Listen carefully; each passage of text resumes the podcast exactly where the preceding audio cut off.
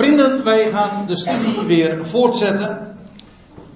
Bij dat gedeelte, bij dat vers waar we hebben afgesloten, namelijk bij het 42e vers van Daniel 2.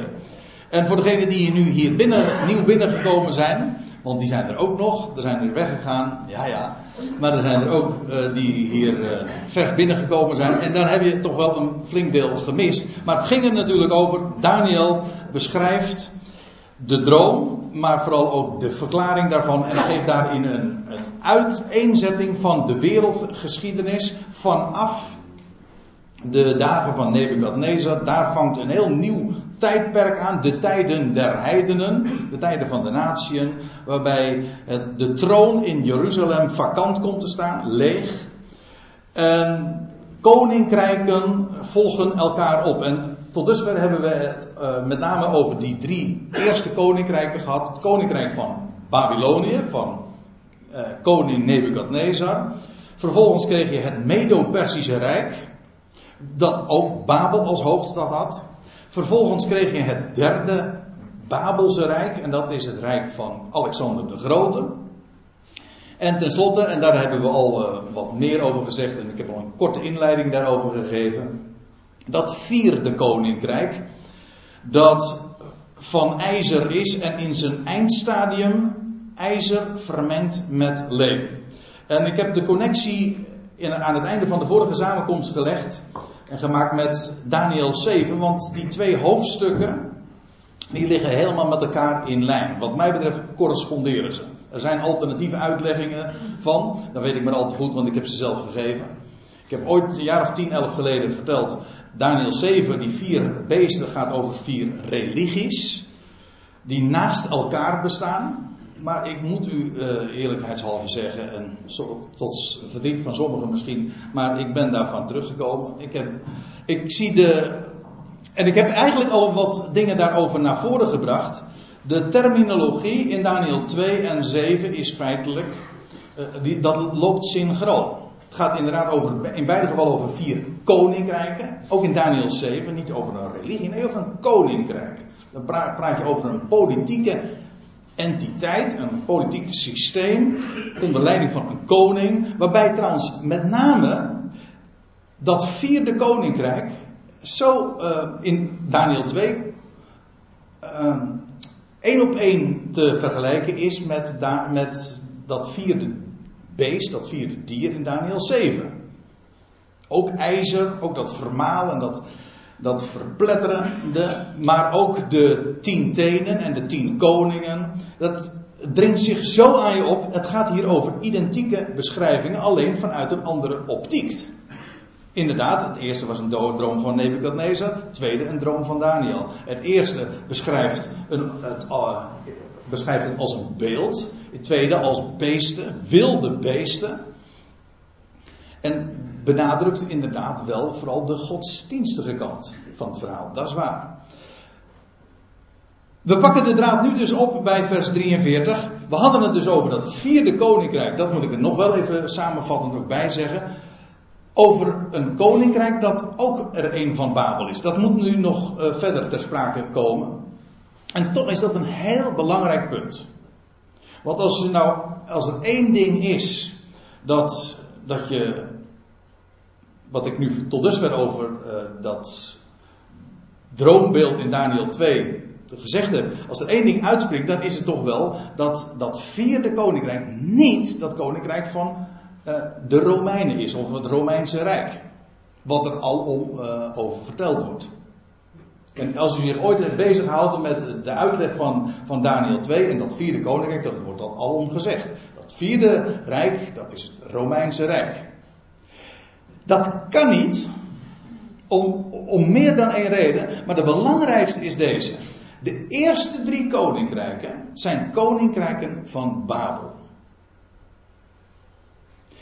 Het vierde koninkrijk, het, dat wil zeggen het laatste koninkrijk dat direct voorafgaat aan het Messiaanse Rijk, is ook weer een koninkrijk van Babel. Hoe weten we dat? Nou, al was het maar uit het boek Openbaring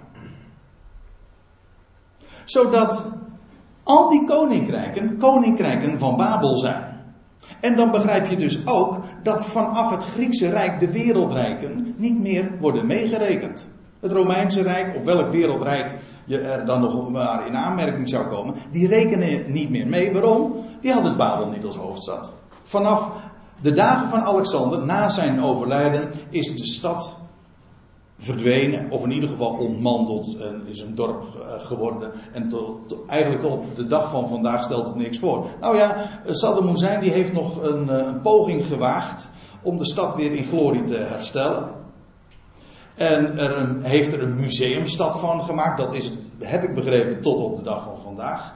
Maar het is totaal, het heeft nog niet, totaal niet de allure die het ooit had. Het is geen stad. Laat staan een wereldstad. Laat staan de hoofdstad van de wereld. Dat het ooit was. Maar de Bijbel laat er geen misverstand over bestaan. Dat laatste koninkrijk heeft ook weer Babel als hoofdstad. Let op. Daar in Irak gaat er weer een stad komen. Daar in die delta van de, de Uifraat en de Tigris. Daar komt weer een stad. Onder de naam Babel. Zoals dat ooit in het verleden een drietal keren al het geval is geweest. Ik zeg het niet eens helemaal correct. Vanaf Nebuchadnezzar dan. Want eigenlijk moet je nog verder teruggaan. In deze, deze Aion, in de dagen van Noach, begon al met de stad Babel. Ik heb er vanmorgen al even al over verteld. En de logica is deze. Deze Aion begon met Babel en zal ook weer daar in diezelfde stad eindigen. Hoe weet ik dat? Wel, het boek Openbaring laat dat zien. En nou nog wat. De inleiding wordt wat langer, want we hebben het nou nog steeds niet over de 43ste vers gehad. Nu nog wat. Maar het is buitengewoon belangrijk. In openbaring 17 en 18, daar wordt de stad Babel beschreven als hoer. Dat is weer een ander beeld. Een hoer die op een beest zit, met tien horens, weet je wel. Al die dingen grijpen dan allemaal in de, in profetie in elkaar. Maar goed, daar wordt een hoer beschreven en met de naam Babel. En lees dat nou eens na in openbaring 17 en 18. En kijk dan vooral ook naar de, als u tenminste een beetje een fatsoenlijke Bijbel hebt met uh, schriftverwijzingen. Ik bedoel, als u een Bijbel hebt met schriftverwijzingen. Nee, dat is, dat is, niet helemaal correct wat ik zeg. Want als een Bijbel pas fatsoenlijk is met schriftverwijzingen, zo bedoel ik het niet. Maar het is wel erg handig voor de, voor de Bijbelstudie. Dat, dat je dus ziet van dat als er een bepaalde opmerking gemaakt wordt, dat dat uh, correspondeert met of ontleend is aan een andere Bijbelplaats. Let op in openbaring 17, 18. Wemelt het van citaten, referenties aan profetieën in het Oude Testament uit met name Jezaja en Jeremia. Die allemaal gaan over de concrete stad Babel. Dat zeg ik nu even met nadruk, omdat altijd het idee daar is dat het daar zal gaan over de stad Rome. Dat Babylon is eigenlijk Rome. Dat heeft natuurlijk ook nog uh, wel sterke protestantse uh, wortels, die uitleg. tegen het Roomse Rijk. Maar is domweg niet, het kan niet kloppen.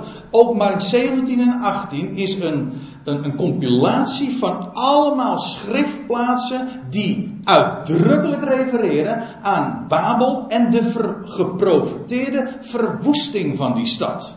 Waarbij Johannes dus ook al aangeeft die aangekondigde verwoesting van de stad Babel moet nog steeds, in de dagen van Johannes dus, in de dagen van het Nieuwe Testament, moet nog steeds plaatsvinden. Wat mij betreft is dat een, een sluitend bewijs en ook afdoen dat het gaat daadwerkelijk over die stad daar aan de Uivraat. Zodat inderdaad de drie koninkrijken van Babel er gepasseerd zijn. Goud, zilver, koper, allemaal met Babel als hoofdstad. En dat laatste koninkrijk heeft eveneens weer Babel als hoofdstad. Daar in het Midden-Oosten. Niet in Europa, maar daar.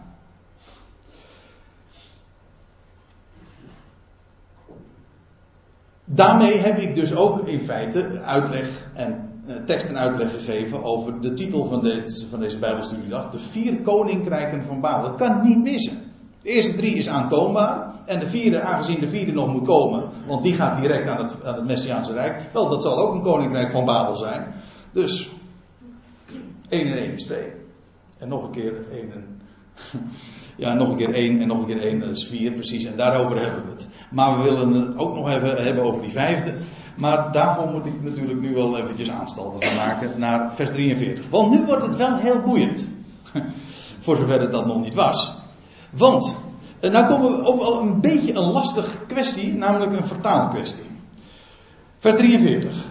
Dat gij gezien hebt, ijzer vermengd met kleiachtig leem, wordt hier nog nader toegelicht. Eerst hadden we het al over, het was hard als ijzer, het was broos als leem, maar er wordt hier nog iets op gezegd. Het betekent, ze zullen zich door huwelijksgemeenschap vermengen. En vertaling. De Statenvertaling staat letterlijk door, men, zegt, door menselijk zaad. Nou, dat komt er wel heel dichtbij. Letterlijk staat er eigenlijk zaad van stervelingen. Wat een wat merkwaardige manier is van formuleren.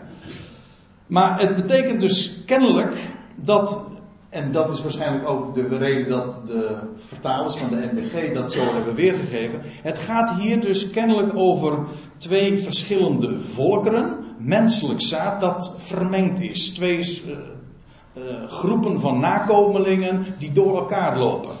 Die horen niet bij elkaar. Het, mengt, het laat zich ook niet mengen. Zaad van, zaad van stervelingen wordt gemengd. En wat is dat nou? Wat, waar duidt dat pottenbakkersleem dan op? Het eerste, kijk, het, het ijzerrijk dat wordt in de laatste fase, dat wil zeggen, in, in aanvang niet, is het gewoon ijzer. Hard als ijzer, het vermaalt het en het verpulvert. En we weten nu inmiddels in welke contraien we het moeten zoeken. En we weten ook, en ik heb er al even op gezinspeeld, over de hele, is, in wezen, de, de islamitische achtergrond van het laatste rijk. In het Midden-Oosten zal het zijn. En dan begrijp je ook, eh, als je er even over doordenkt, waarom het ijzer is. En, en, en verpulverend is, verpletterend is, kei en keihard, meedogenloos. Nou, daar komt het inderdaad al, die godsdienstige achtergrond komt daarmee ook in mee. Maar even nog dit. Het ijzerrijk wordt in de laatste fase, dat wil zeggen in die voetenfase, gemixt met een volk dat genoemd wordt pottenbakkersleem. Die uitdrukking vind je dus al even eerder in het uh, hoofdstuk 2 vers 41. En dat is eigenaardig, want dat pottenbakkersleem past in wezen niet in dat rijtje. Want het was, werd genoemd eerst uh, goud, zilver, koper en ijzer. Maar pottenbakkersleem is geen metaal. Maar, en dat is wel weer eigenaardig. Qua grondstof komt het juist wel weer overeen met het rijk dat gaat komen. Namelijk dat stenen koninkrijk. Het is, het is geen metaal, maar qua materiaal komt het juist overeen met het laatste. Dat wil zeggen het definitieve koninkrijk. En nu kom ik bij mijn punt. Ik geloof dus dat het inderdaad om een volk gaat. En wel het huis Israëls. En dat komt inderdaad in aanmerking om aangeduid te worden als pottenbakkersleem. Al was het maar omdat het een bekend beeld is in de profetie. Ik heb hier een citaat uit Jeremia 8, vers 6, dat is ongeveer de duidelijkste wel. Daar eh, vind je dat Jeremia, eh, trouwens bij een latere gelegenheid ook, naar de pottenbakker gaat. En dan wordt dat zo uitgelegd. Zie, als leem in de hand van de pottenbakker, zo zijt gij in mijn hand. Ik ben haast geneigd om het te zingen, of zoals Ellie en Rikke dat zingen. Zo ben jij in mijn hand, zegt de Heer. Ja. we hadden een dochter, we, hadden, we hebben nog steeds een dochter, maar die vroeg zong dat die zong zoals klei in de hand van de, weet je nog? Nou, dat zong zo heel leuk zo met die klenten, pottenbakker. Ja, en de maar die, uh, dat pottenbakkersleem, daarvan kun je natuurlijk zeggen, we zijn allemaal gewoon uit, de, uit de klei getrokken. Ja, dan, dan zou je nog kunnen denken van, oh, dat, zijn, dat gaat over Nederlanders uit de klei getrokken. Nee, maar de mens is de algemeenheid. Maar als er een volk genoemd wordt pottenbakkersleem, dan is dat in de provincie Israël. En het huis Israëls. En in die richting hebben we inderdaad te denken. En ik wil u daarvoor nog wat argumenten geven. Dat in dat laatste rijk, dat hard zal zijn als ijzer, dat ook weer Babel als, uit, in ieder geval uiteindelijk als hoofdstad zal hebben, dat het volk Israël, en ik heb het niet over de Joodse staat, maar over Israëlieten, of Joodse inbreng, dat die een grote, zo niet een hoofdrol zullen spelen in dat laatste rijk van Babel. En ik zal u een paar uh, overwegingen daarin meegeven. We gaan eerst eens naar Zacharia 5. Zacharia 5, vers 1 tot 11. Eh, en dat is een uh, nogal ja, betrekkelijk onbekend gedeelte. Je moet in de eerste plaats dit weten. Zachariah 5, dit gedeelte, is geschreven na de Babylonische ballingschap en nadat een deel van het Joodse volk weer teruggekeerd was naar het land. En dan krijgt Zachariah een, een, een gezicht te zien van een vrouw. En dan wordt er nog gezegd, het wordt allemaal uitgelegd. Ik ga nu niet dat gedeelte behandelen, maar ik refereer eraan en u kunt het zo allemaal nog eens teruglezen als u dat eh, voor uzelf ook wil checken. En AUB, doe dat ook. Want pas dan heb je, heb je, heb je het je eigen gemaakt. Ik hoop, ik zeg het er nog extra bij. Niet dat u geïnteresseerd bent in de opinie van André Piet, want dat is volstrekt waardeloos. Ja, eh, deze dag heeft pas rendement als u zegt van, hé, hey, nu heb ik gezien in de schrift dat het er zo staat. Dan heb je, dan heb je grond onder de voeten, dan heb je dan heb je echt werkelijk wat geleerd. Niet van een mens, maar gewoon omdat er staat geschreven. En zolang dat het niet het geval is, dan, uh, dan moet je het gewoon naast je neerleggen. Maar goed, u, u, luistert bereidwillig toe naar wat ik te, melden heb. En daar ben ik blij om. En ik hoop dat u vervolgens dat ook doet. In Zachariah 5 gaat het dus over die vrouw. En dat wordt dan uh, genoemd, uh, dat wordt vergeleken met het goddeloze Israël. En die vrouw die wordt ge, verborgen in een Eva met een F. Dat heeft niks te maken met de, eerst onze, de stammoeder van de mensen. Nee, het is gewoon een Eva, dat is een inhoudsmaat. Dus als ik me niet vergis was 10 gomer. Dat zegt ons nog niks natuurlijk. En uh, nou ja, hoeveel dat precies was, doet niet de zaken, maar het was een inhoudsmaat en daarmee een symbool ook voor handel. En uh, in de plaatjes wordt het dan weergegeven, het komt niet echt goed uit de verf maar met een, een, eh, een, een mand. Eh, als ik me niet vergis, wordt het in de MBG-vertaling ook zo uh, ongeveer weergegeven. En die vrouw die wordt in, aan, in, die, in die Eva gedaan. En dan wordt er, bovendien komt daar een deksel op van een talent. Letterlijk staat er een talent. En, en die, een talent, dat is juist weer een gewicht. En dat heeft te maken met de commercie, ook weer met die handel. Dus zowel die Eva als die, dat talent, uh, dat wordt gelinkt aan die vrouw. Aan dat goddeloze Israël. En wat gebeurt er dan vervolgens? Nou, die vrouw in die Eva, wordt in die, in die Eva gedaan, in die mand. En die wordt dan, het is een visioen uiteraard, dat begrijpt u ook wel. Uh, wordt, uh, wordt vervolgens gebracht op vleugels naar het land van Siniar. Zo staat het er letterlijk ook bij. Niet deze de stad Babel wordt genoemd, maar die vrouw, dat goddeloze Israël, wordt gebracht naar Siniar. Die vrouw met dat, met dat talent en die Eva, die commercie, die handel. Je moet weten, inmiddels was juist het Joodse volk alweer voor een deel teruggekeerd naar het land. En hier wordt juist gesproken over, over, over een goddeloos Israël dat daar naartoe gebracht wordt. En dat daar, en dat staat er dan bij, waarom? Waarom wordt ze daar gebracht? Om daar voor haar een thuis te maken een huis te maken. Zodat ze daar thuis zou zijn. Dus Israëlieten die daar met symbolen van handel en commercie in Babel, in het gebied van Sinia, daar in die rijke Uiga-delta, daar krijgt ze een thuis.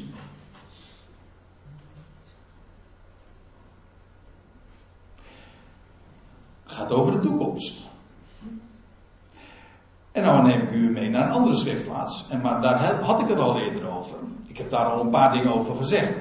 Daar gaat het over Babel, over Babylon. Babel en Babylon is tussen exact hetzelfde hoor. Babylon is gewoon de Griekse uitspraak ervan. Dus dat, uh, daar moet je je niet door laten verwarren. Maar openbaring 17 18 gaat dus over die stad. Een grote stad wordt het daar ook genoemd. En het is een compilatie van allemaal schriftplaatsen die inderdaad gaan over de stad Babel en over de verwoesting van die stad. Maar nou op, opgelet. Daar wordt een hoer beschreven. Ook weer, we hadden het over die vrouw, weet je wel, dat, uh, dat het goddeloze Israël voorstelt. Hier is sprake van een hoer. En daarbij ook weer, het, zo ligt het contrast er duimendik bovenop met de bruid, die in het boek Openbaring ook beschreven wordt. Dat is trouwens Openbaring 19. De bruid van het lam. Waarvan hardnekkig altijd gezegd wordt dat dat, is, dat, dat de, kerk zou zijn. You get it, denk ik dan. Dat is gewoon Israël. Als je de profetie kent van, van ook de, de Hebreeuwse profeten laten er geen misverstand over bestaan. De bruid is Israël. En de bruid van het lam is ook Israël. En die hoer is ook Israël, maar dat is het goddeloze deel. Die hoereert. Waarbij het idee is, Israël is getrouwd of zou trouwen met haar man, maar zij houdt het met andere mannen. Andere goden, andere volkeren. Heeft, ze draagt dus ook de naam Babylon. Ze zit op een monsterlijk beest met tien horens. Zie daar ook de connectie weer met Daniel 7 en dus ook weer met Daniel 2. Het zijn allemaal, dat is wel soms een beetje het lastige. Het zijn allemaal puzzelstukjes. Hè? Als het ene hebt, dan heb je het andere ook weer nodig. Maar het grijpt allemaal in elkaar.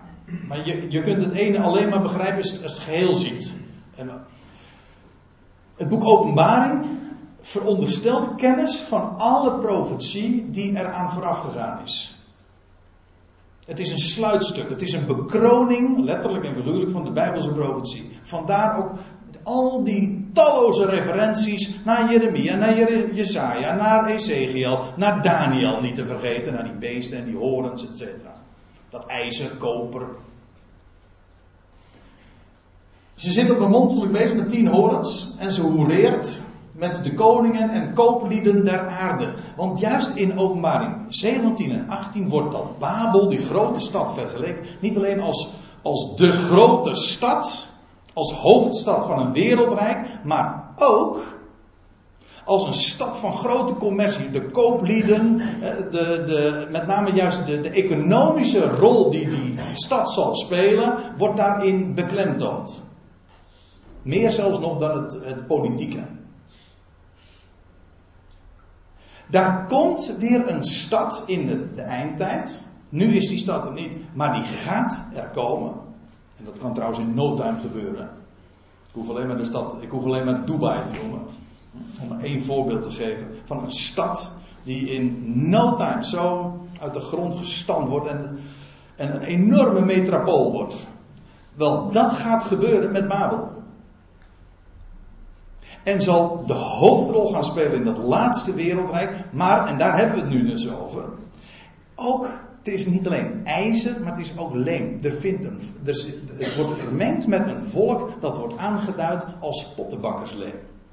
En dan gaat het over de rol van een ongelovig, goddeloos, hoererend Israël in dat rijk. Maar laat hem nog eventjes uh, laat, het, bezinken. Denk er nog eens over na. Juist het Joodse volk vertegenwoordigt, zoals, men, eh, zoals we dat allemaal weten, ook zo sterk uh, de rol van het, van het kapitaal. De, de, de, Joodse lobby en, het, ik bedoel, het, het, kapitaal is voor een groot gedeelte ook in, Joodse handen. Wel in de eindtijd, hoe dat dan ook verder zal gaan, daar wil ik nu verder niet over speculeren. Dus dat is heel, boeiend allemaal, hoe, hoe, hoe, het Jodendom en ik bedoel het Joodse volk ook wereldwijd uh, het kapitaal beheert. Het is Bijbelstudie, dus ik beperk me even tot die rol. In de eindtijd zal dat juist weer karakteristiek zijn. Daar zal een goddeloos Israël zich juist daar vestigen. Daar gaat het gebeuren. Het wereldhandelscentrum. Dat klinkt vrij dubbelzinnig als ik het zo zeg. Dat komt daar te liggen. Daar in die, in die, op dat stuk grond. Waar trouwens sowieso gigantisch veel kapitaal uh, mee gemoeid is. Want waarom denkt u dat Irak zo verschrikkelijk interessant is voor de hele wereld? Vanwege het zwarte goud natuurlijk. Er zit nog zoveel. Maar daar, hoe dan ook, gaat die stad dus weer komen. En, daar, en dat zal gedomineerd worden door, ook door een goddeloos Israël. Dat zal zich daarin mengen, hoewel het zich niet laat vermengen. En als ik het zo zeg, dan begrijp je dat ook. Natuurlijk, in, aan de ene kant in een islamitisch wereldrijk. Hoe, een, hoe, hoe zou, hoe zou het, Joodse volk daar uh, een, een, rol in kunnen spelen? Ja, nou dat kan, maar het laat zich niet vermengen. Een eenheid wordt ne never nooit. Die twee die laten zich domweg niet uh, verbinden. Dat zal ook niet gebeuren. Maar nu hebben we het punt dat pottenbakkersleen slaat dus inderdaad, als u het mij vraagt, op menselijk zaad, op twee verschillende volkeren, op, in dit geval op, op dat ijzeren rijk, jawel, maar het wordt vermengd met pottenbakkersleen met Israël. Het heeft ook alles te maken met het kapitaal. En als ik nog, nou kan ik nog anders zeggen, met het slijk der aarde. Dat is wel een aardige uitdrukking in dit verband. Ik wil daar verder helemaal geen uh, consequenties aan, als het gaat over de Bijbel uitleg aan verbinden, maar het is wel makkelijk te onthouden. Het heeft te maken inderdaad met pottenbakkersleen, met het huis Israëls, maar ook inderdaad met het slijk der aarde, de rol van de commercie. Uh, er is niet heel veel fantasie voor nodig om te zien dat dat inderdaad die, die, die twee elementen een grote rol gaan spelen daar in Babel. Zonder dat ze zich laten vermengen. Nou, en dan gaan we weer even terug naar het 43ste vers. Dat gij gezien hebt, ijzer vermengd met kleiachtig leem, betekent, zij zullen zich door, want dat is wat er letterlijk staat, zaad van stervelingen vermengelen. Pardon, ver, vermengelen. Ja, dat is ook door zaad van stervelingen, ja. Over manipulatie gesproken, zeg.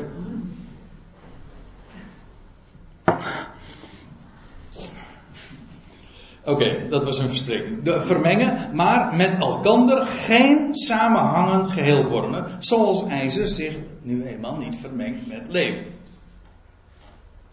Goed, uh, ik moet verder gaan. Natuurlijk, en dat zeg ik eventjes ter, als excuus, natuurlijk moet ik hier nog veel meer over vertellen. En laat hier zich nog veel meer over, te, over vertellen, want dat vierde rijk, daar worden zoveel beschrijvingen van gegeven, want dan moet je, dan moet je Daniel 7 er eh, nog weer op na gaan slaan. En openbaring 13 gaat allemaal over dat vierde koninkrijk.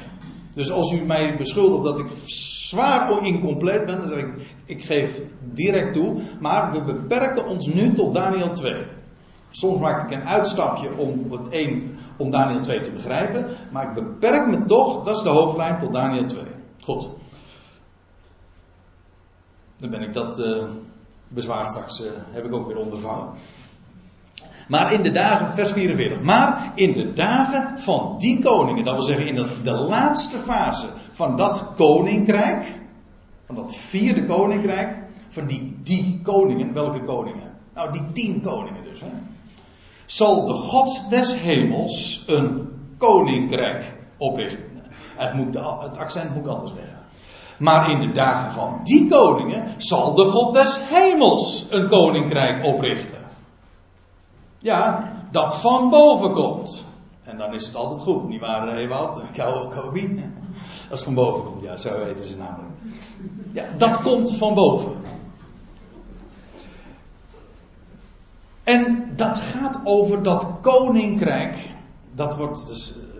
Dat, die, die uitdrukking vinden we dan vervolgens zo dikwijls in het Nieuwe Testament. Het koninkrijk der hemelen. Dus mijn vraag is: refereert dat aan, aan onder andere deze schriftplaats? Het is, een, het is niet een koninkrijk van deze aarde, nee, het is een koninkrijk dat afkomstig is uit de hemel. En ook een hemels koninkrijk. Niet een koninkrijk in de hemelen. Eh, zoals de katholieken dat ervan gemaakt hebben. Een hemelrijk. Nee, het is geen hemelrijk. Het is een rijk hier op aarde. Alleen het is afkomstig van boven, vanuit de hemel. De God des hemels zal dat koninkrijk oprichten. Dat in eeuwigheid niet zal te gronden gaan. Nou, er staat letterlijk tot in de Ionen, Olamim. Nou, het staat in het Aramees trouwens. Nog iets, nog iets anders, maar het gaat over de Ionen. Niet tot in eeuwigheid, er staat een meervoud. Ionen. Het is nu niet het onderwerp. Maar het, het, idee is dat koninkrijk dat gaat komen, dat zal niet alleen de, de komende Ion heersend element zijn, uh, maar ook de Ion die daarop zal volgen. En zelfs bij de voleinding der Ionen zal dat koninkrijk niet beëindigen, maar wordt het koninkrijk, een volmaakt koninkrijk, aan God de Vader teruggegeven. Maar het koninkrijk zelf zal geen einde nemen. En tot in de Ionen zal het niet te gronden gaan. En, waarvan, en daar staat er nog iets bij. En waarvan de heerschappij op geen ander volk meer zal overgaan. En, dat, en het zal al die koninkrijken die vooraf gegaan zijn, verbrijzelen, maar, en daaraan een einde maken, maar zelf zal het bestaan in de Ionen. En ik moet er eigenlijk aan toevoegen, en daarna. Maar daar gaat het nu verder niet meer over. Maar let even op deze, deze woorden. Ik heb ze kapitaalletters geplaatst. Op geen ander volk zal het meer overgaan. Dus we hebben gehad in dit visioen, in dit droombeeld, letterlijk, hè, een droombeeld. Het koninkrijk van de Babyloniërs, van het koninkrijk van de Mede, Medo, uh, de Meden en de Persen. Het derde koninkrijk, het koninkrijk van de Grieken. Daartussenin heb je ook nog koninkrijken gehad, maar goed, die hadden Babel niet als hoofdstad, dus die worden niet meegeteld.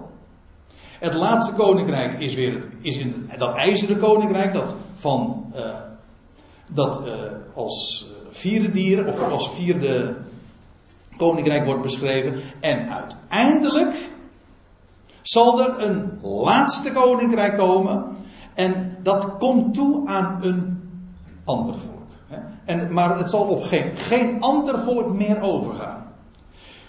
Wat het gedacht is, gaat er niet alleen maar om dat die steen, die beschreven wordt, ik kom daar, kom daar zo nog even op terug, dat is maar niet alleen maar iemand, de zoon van David, maar als je het breder neemt, het is een heel volk.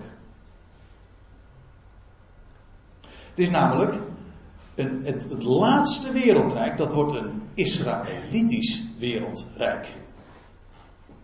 Dat, dat is eigenlijk de gedachte. Zoals je een Babylonisch wereldrijk gehad hebt, een Medo-Persisch, een Grieks, dan krijg je het laatste is een Israëlitisch wereldrijk. Het koninkrijk zal gegeven worden aan dat volk. Je, ja, het is maar net hoe, hoe, hoe smal je het definieert. Het, is natuurlijk de zoon van David, die daar uh, zal, over zal heersen. Maar daarmee aan dat volk zal, aan dat volk zal het toekomen. Vandaar eh, waarvan de heerschappij op geen ander volk meer zal overgaan. En dan ga, ik nog eventjes een link leggen met Daniel 7, want dan lees je nog uh, in vers 26, en dan gaat het ook over dat vierde koninkrijk dat beëindigd wordt, en dan staat er, dan zal de vierschaar zich neerzetten. Niemand weet meer wat een vierschaar is natuurlijk. Dat is heel grappig, hè? Maar uh, de, de NBG-vertaling zegt iedere keer vierschaar. Geen hond weet wie, wat een vierschaar meer is. Bijna, nou, bijna niemand, hè? Maar uh, de Statenvertaling, weet je hoe, hoe die het vertaalt? Dan zal het gericht zich neerzetten. En zeg hé, dat is duidelijk. Dat begrijp ik. Hier staat trouwens in, in het Hebreeuws of in het Aramees een woord dat uh, verwant is aan het woord Daniel. Da Daniel betekent God is rechter. Gericht. Daar gaat het over. Dan zal het gericht zich neerzetten. Vierschaar, dat is een oud-Nederlands woord. Gek dat dan een modernere vertaling, de MBG, vierschaar weergeeft, terwijl een oude vertaling gewoon simpel gericht weergeeft. Ah. Maar dat even terzijde. Uh, dan zal de vierschaar, het gericht, zich neerzetten. En men zal hem, en dan gaat hier dus uh, over dat, dat vierde beest. Dat was uh, wat in vers 25 beschreven werd. Dan zal hem de heerschappij ontnomen worden en hem verdelgen en vernietigen tot het einde. Dat wil zeggen, daarmee is het dat rijk, dat vierde koninkrijk, dat beestachtige rijk, ten einde. Finito. Voorbij. En dan vers 27. En het koningschap het koninkrijk eigenlijk. De macht en de grootheid der koninkrijken onder de ganse hemel zal gegeven worden aan het volk van de heilige des Allerhoogste. En zijn koningschap is een eeuwig koningschap en alle machten zullen het dienen en gehoorzamen. Even dit. Het volk van de heiligen, oftewel het heilige volk. Wat, wat, was, wat wist dat Daniel, uh, wat was het heilige volk? Natuurlijk, dat is helemaal geen, geen enkel probleem. Het heilige volk is gewoon het volk dat God zich geheiligd heeft te midden van de natie, dus Israël. Dan moet je niet meteen de, je kerkelijke bril oplezen, uh, zetten en zeggen van, oh, dat is, de, dat is de kerk. Nee, dat is gewoon het, volk, het heilige volk. En dan staat er des allerhoogste, als u de staatsvertaling hebt, dan staat er letterlijk der hoge plaatsen. Dat, dat is beter, want het gaat inderdaad over een meervoud. Dat woord plaatsen staat er ook niet, maar der, der hogende. Het volk der, van de heilige der hogen. Op een hoge plaats, dat is waar. Aan, het wordt aan een heilig volk gegeven. Aan het heilige volk, dat was er aan Israël. Waarmee ik dus bevestig. Al die koninkrijken die we gehad hebben, al die wereldrijken, die zullen plaatsmaken voor dat ene wereldrijk, namelijk het koninkrijk van de God des hemels. En dat zal gegeven worden aan het heilige volk. Daarvoor heeft God dat volk uh, ooit uitgekozen en geheiligd. En dat volk zal tot zijn bestemming komen. Een koninklijk priesterdom. Dat wil zeggen, een, een, het volk dat te midden van de natie bestemd is om koninklijk en priesterlijk op te treden. Bemiddelen tussen God en de mensen. Goed. En dan vers 45. Juist zoals gij gezien hebt dat zonder toedoen van mensenhanden een steen van de berg losraakte. En het ijzer, het koper, het leem en het zilver en het goud verbrijzelde. Dat wil zeggen, al die, al het, uh, aan al die rijken komt op dat moment definitief een einde. Het, de grote God heeft de koning bekendgemaakt wat na deze zal geschieden, de droom is waarachtig en zijn uitlegging betrouwbaar. Ja, maar let nog even op dit ene. Die steen, die raakt zonder toedoen van mensenhanden los. Hier, dat, dat is weer zo'n heel elementair bijbels grondidee. De mens draagt daaraan helemaal niks bij. Dat is een vernederende gedachte voor de mens. Maar, maar het, is, het, is, het, uh, het is niet vernederend. Het maakt je nederig. Het is niet een, aan de mens. En als het aan de mens ligt, gaat het alleen maar uh, van goud naar zilver, naar koper, naar ijzer, naar leem. En het wordt steeds inferieur, uh, steeds minder waardig aan kwaliteit. Als het gaat om autoriteit. En dan op het dieptepunt, bij de voeten, op het dieptepunt, dan zal de God des hemels in gaan grijpen en dan is het zijn dag. Met recht, de dag van Yahweh. En dan zonder toedoen van mensenhanden, komt er van boven, verticaal, dus niet van onder, maar van boven komt er een, een, een steen. Ja, wat is die steen? Nou, we hadden het er zojuist al even over. Het, wordt, het, koninkrijk komt toe aan een volk, maar een steen in de Bijbel, ach, ja, dat, is, uh, dat lijkt me niet zo moeilijk, hè? Dus de steen. Zo, ja, uiteraard, ja, de steen. De rotssteen. De steen des aanstoots, de rots der ergernis. Er zijn de levende steen, de hoeksteen. De steen waar ooit Jacob ja, zijn hoofd neerlegde, waardoor hij de hemel geopend zag. En dat er een verbinding gebracht werd tussen hemel en aarde. Nou, de steen is altijd een beeld van de Zoon van God. En als ik het zo zeg, eh, dan wordt het nog treffender, want dan ehm, vertaal ik het eventjes naar het Hebreeuws, want dat is de steen, dat is E-ben. Eigenlijk de zoon van de vader, Ab-ben. E-ben, dat is zijn vader en zoon. De zoon van de vader. Dat zit allemaal in dat Hebreeuws. In ieder geval de steen. En die komt van boven, want hij bevindt zich daar nu. De zoon van David, die is al lang en breed uh, voorhanden. Wij kennen hem, hij laat zich nu niet zien, hij is verborgen in de tempel. Er zijn trouwens ook prachtige geschiedenissen over in het Oude Testament.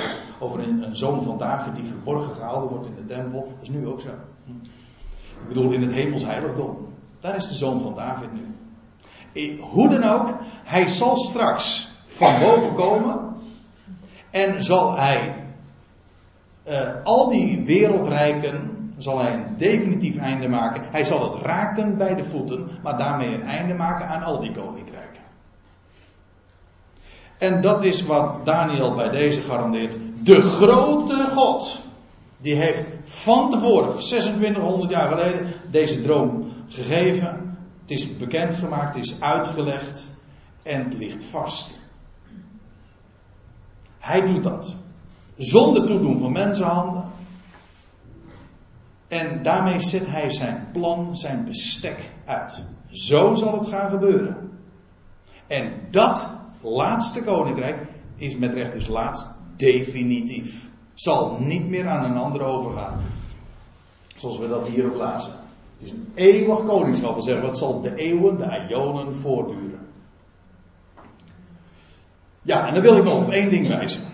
Aan het uh, einde als een soort uh, toetje. Want ik had nog iets kunnen doorlezen in Daniel 2, maar feitelijk wat ik nog gelezen heb in Daniel 2 is zowel de droom als de uitleg. En de appendix over wat er dan vervolgens naar aanleiding van deze gebeurtenissen met Daniel gebeurt. Dat laat ik even voor wat het is. Maar ik wil op iets nog anders wijzen.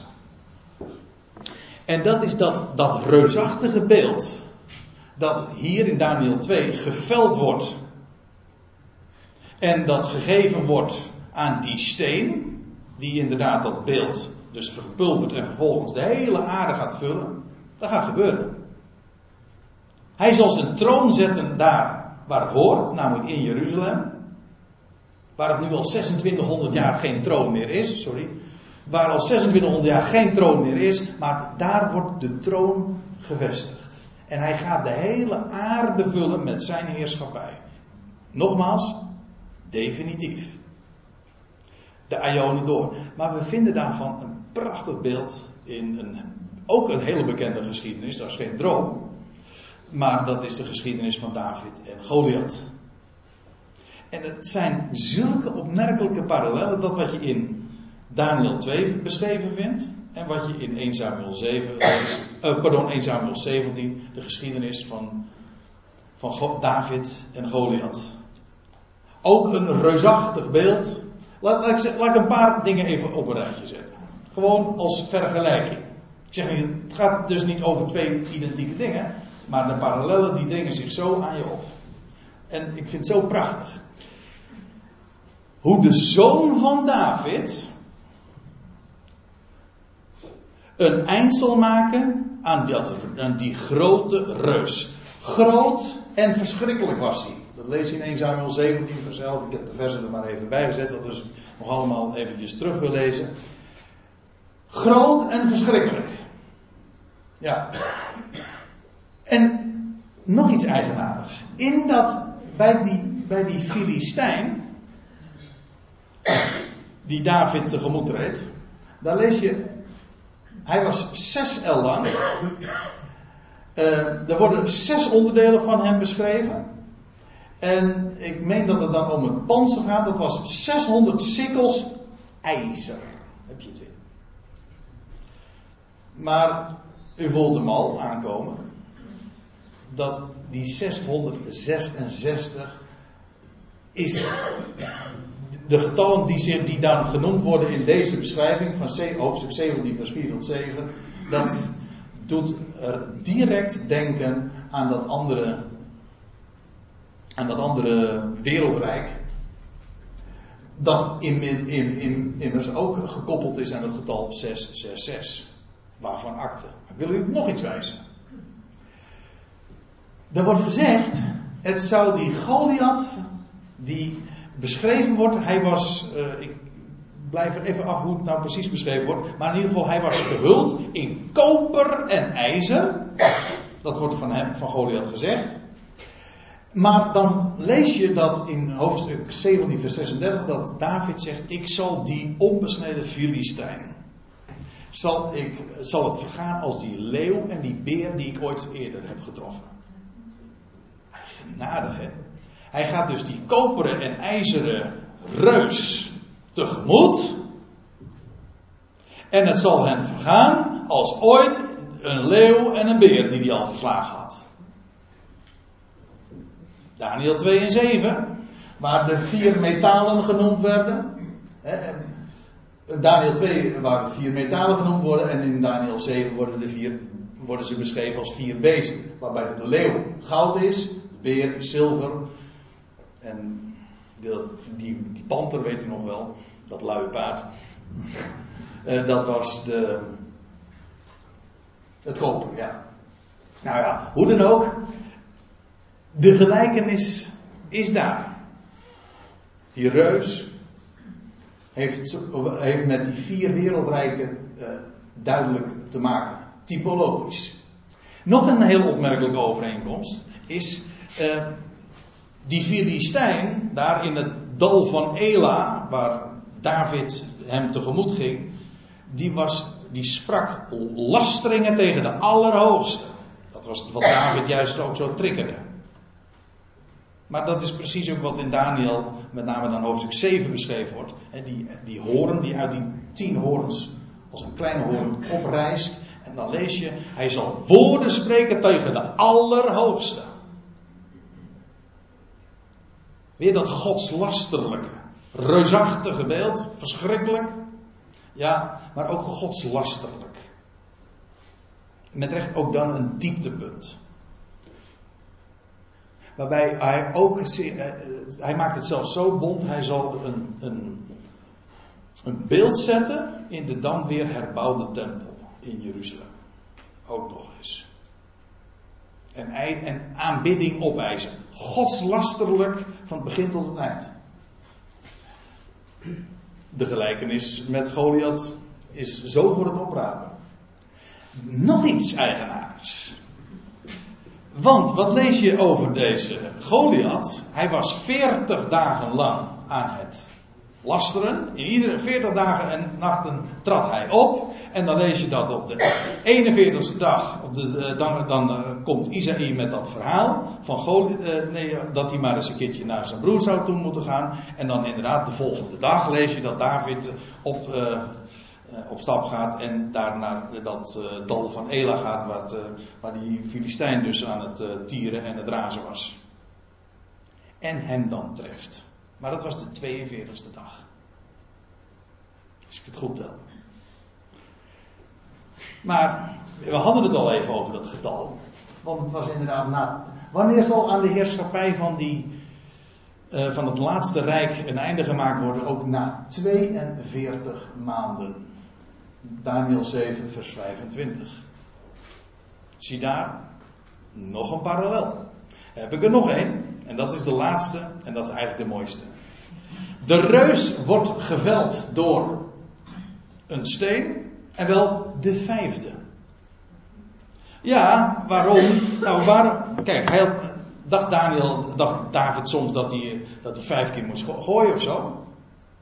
Je leest dat, da, dat David, als hij dan van plan is om de, die reus tegemoet te gaan, dan zoekt hij in de beekbedding vijf steentjes uit. Hoezo? Die reus, die, hij dacht wel zeker niet dat hij die reus zou missen. Dat, dat is ook niet zo makkelijk, hè. Maar, nee, het was uiteraard geloof. Wat, Daniel wat David ervan begrepen heeft, dat doet nu even niet de zaken. Het staat niet voor niks opgetekend, dat is het punt. Het ging juist om die vijfde steen. Niet om die vier, niet om die vier anderen, nee, om die vijfde steen, daar ging het om. Dat is het idee. En die reus wordt precies inderdaad geveld door die vijfde steen. Dat is dodelijk voor hem. En dat is precies wat je dus in Daniel ook leest. Dat, dat reusachtige wereldrijk wordt uiteindelijk beëindigd door een steen die van boven komt. Dat is waar. Maar diezelfde rol gaat spelen van het vijfde. Of de vijfde. Want de vier wereldrijken van Babel gaan plaatsmaken voor het wereldrijk, het koninkrijk in Jeruzalem. Daar hoort de troon. En daar zal de troon van David hersteld worden.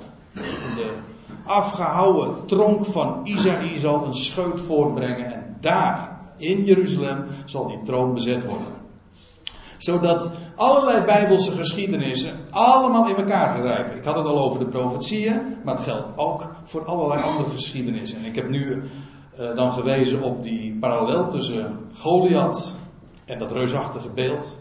Maar het lot is hetzelfde. En uiteindelijk, wie is de overwinnaar? Dat is David. Al die man uit Bethlehem, die herder, die zijn leven waagde voor de schapen, weet u wel. Die tot gezalf was tot koning, maar het zou nog een hele tijd duren voordat hij echt daadwerkelijk koning werd. Hij is een perfect plaatje van de zoon van David, die straks van boven zal komen en dat zal doen met dat wereldrijk en zal treffen met de steen. En daar wilde ik het graag maar eens bij laten voor vandaag. En ik kijk op mijn klokje en wat zie ik? Perfect twee uur. Alsof het getaald is.